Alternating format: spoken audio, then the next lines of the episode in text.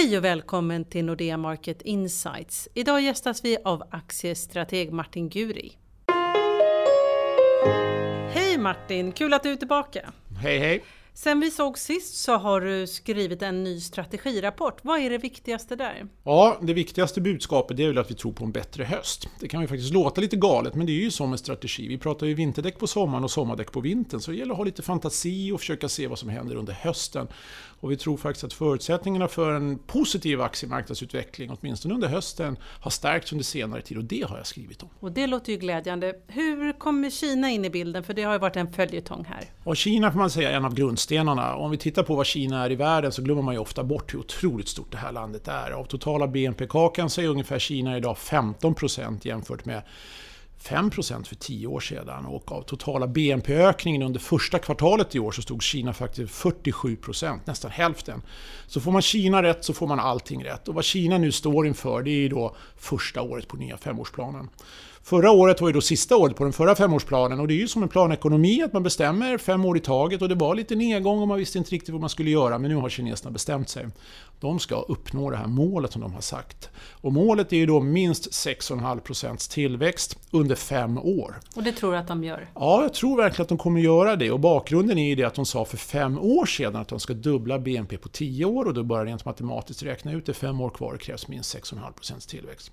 Och då är då frågan, hur ska de göra? Vad ska de göra? Och de ska faktiskt göra det precis som de brukar göra. De ska syssla med investeringar.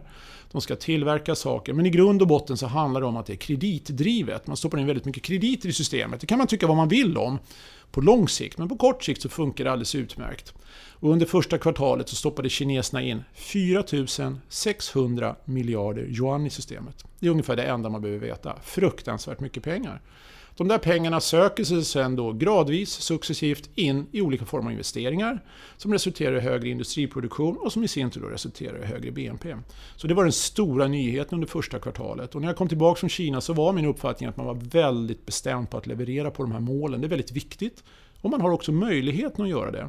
Så en pusselbit i det här positiva spelet är ändå att Kina inte på något sätt kommer fallera, kommer inte fortsätta den svaga utveckling som man såg under slutet av förra året, utan tvärtom kommer faktiskt gasa på rätt väl i år och även in i nästa år. Hur kommer USA in i den stora bilden? Ja, USA är en väldigt viktig komponent. För om vi utgår ifrån att Kina växer på stabilt enligt förväntansbilden. Europa kommer växa stabilt enligt förväntansbilden. Vi har någon form av högkonjunktur idag i Europa får man lov att säga. Men svingen, det finns i USA. För vad som har hänt i USA under de senaste tre åren det är det att hela tillverkningsindustrin har blivit hårt drabbad av prisnedgången inom energisektorn och inom råvarusektorn. Så generellt sett kan man säga då att investeringstakten som andel av BNP har gått från 6 till 3 och i år är nere på noll. Och likadant med industriproduktionstakten har gått också från 3% ungefär till noll. Så det står ganska stilla i USA. Och då måste man göra analysen, varför har detta skett? Jo, den enkla förklaringen är tre komponenter. Du har haft en stärkande valuta sedan mitten av 2004, 2014. Förlåt mig.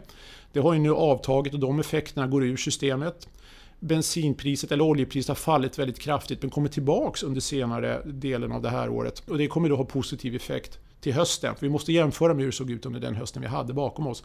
Och sen råvarupriserna generellt, alltså att metallpriserna har gått ner och påverkat. Och alla de här effekterna, de negativa effekterna, de krafterna som har dragit ner produktionen, det har då ebbat ut. Så man kan säga att det blir lite grann av en baseffekt, så det studsar tillbaks.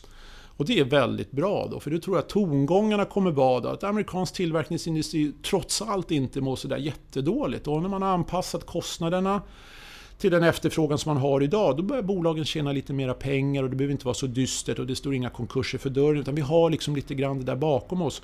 Så tiden spelar en väldigt stor roll, så det blir en baseffekt och man måste jämföra med stämningsläget och det faktiska läget som var under hösten som gick. Och där kommer USA in i ett nytt fönster. Så om man då summerar makroläget, Kina som förväntat, Europa som förväntat och en liten uppsving då inom den cykliska sidan i USA. Det kommer att spela roll. Och det leder oss osökt över till vinstprognoserna. Ja, Hur ser det ut kring dem? Ja, det ser ju väldigt positivt ut om man ska ta prognoserna för vad de är värda. Vad som har hänt då, till exempel i USA som är oerhört centralt och det viktigaste, där jämför man ofta en kvartalsvinsterna med samma kvartal året innan. Och den här kvartalet nu som vi är inne i just nu, andra kvartalet i år, det är det fjärde kvartalet i rad som vi alltså haft negativ vinstutveckling i USA. Så det var varit fyra kvartal i rad vilket gör att amerikanerna generellt sett tycker inte aktiemarknaden är kul. Det är inte bra och alla som jobbar med allokeringsfrågor och alla experter har sagt att ah, var lite försiktig med börsen, det ser inte roligt ut för de ökar inte vinsterna. Och det har varit ett ganska enkelt val att inte vara där. Och det märks bland annat på fondflödena. Men om man tittar på prognosbilden längre fram så ska faktiskt vinsterna stiga under tredje och framförallt under fjärde kvartalet. Mycket på grund av att det gick ner så fruktansvärt mycket tredje kvartalet förra året. Och tittar man på hela kalenderåret nästa år så är förväntningen att vinsterna ska upp 14%. Och vi tror ju inte att vinsterna kommer stiga så mycket, men säg bara att det blir 10 så är det en enorm skillnad mot i år då vinsterna inte stiger någonting, äg inte aktier. Och nästa år då, när vinsterna ska stiga 10%, då står folk där. Okej, okay, ska jag ha obligationer som inte gör någonting eller ska jag prova aktiemarknaden? Jag tror slutsatsen är ganska given. Jag tror folk kommer komma tillbaks till aktiemarknaden. Och det har ju liksom en tendens till då att det lyfter kurserna. Och det är det vi tror ska ske faktiskt. För i tidigare poddar har ju du sagt att året kommer avslutas plus minus noll. Mm, och jag får nog revidera den uppfattningen nu. För att vad som också kommit till den här stora bilden det är att analytikernas förväntningar har nyktrat till väldigt mycket. I början av året så trodde analytikerna i hela världen ungefär att 90% av alla bolag skulle få bättre marginaler. Nu märker vi efter Q1-rapporterna här, både i Norden och Europa och USA, att förväntansbilden ligger kring 60-63% och det får man lov att säga, man brukar inte vara där förrän oktober, november och det är mycket nära det genomsnittet som vi har haft de senaste 10 åren som ligger på 60% upp. Så vi är ganska nära, så kanske prognoserna är lite för höga. Om man tittar också hur stora marginalerna ska vara så har man hela tiden skruvat ner förväntningarna. Det blir inte 11,5, det blir inte 12 utan det går, liksom, det går neråt, neråt. Men nu har det varit ett par månader då har det varit stabilare. Har analytikerna blivit bättre? Nej, men jag tror däremot att landskapet som de jobbar i har blivit stabilare. Valutorna är stabilare, oljepriset är stabilare, basmetallerna och allt det har blivit mycket stabilare. Så det är lite lättare eller mindre svårt att förutse prognoserna vilket gör att ja, men nu ser det rätt vettigt ut i förväntansbilden. Och den sista komponenten som vi tittar på, vi kör ju mycket såna kvantitativa modeller, det är som vad vi kallar för revideringstrender. Vi helt enkelt tar antalet nerreviderade prognoser i förhållande till antalet uppreviderade prognoser. Och den där siffran har legat på minus jätte, jättelänge, vilket gör att analytikerna alltså reviderar ner mera bolagen upp.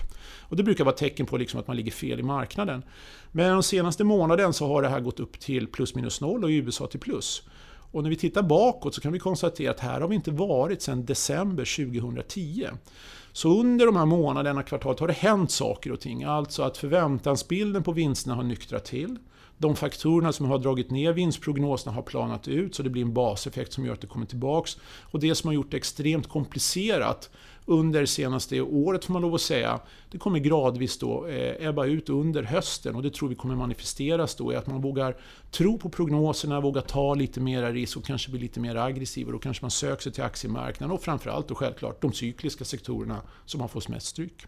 Så för den som önskar investera så är börsen ett bra alternativ för hösten? Ja, det tycker jag definitivt. Och om man pratar om nu timingmässigt så är det lite svårt men Eh, jag som pratar mycket med de stora institutionerna får ju den känslan att man vill nog se hur Q2-rapporterna eh, utvecklar sig, alltså som kommer nu under sommaren.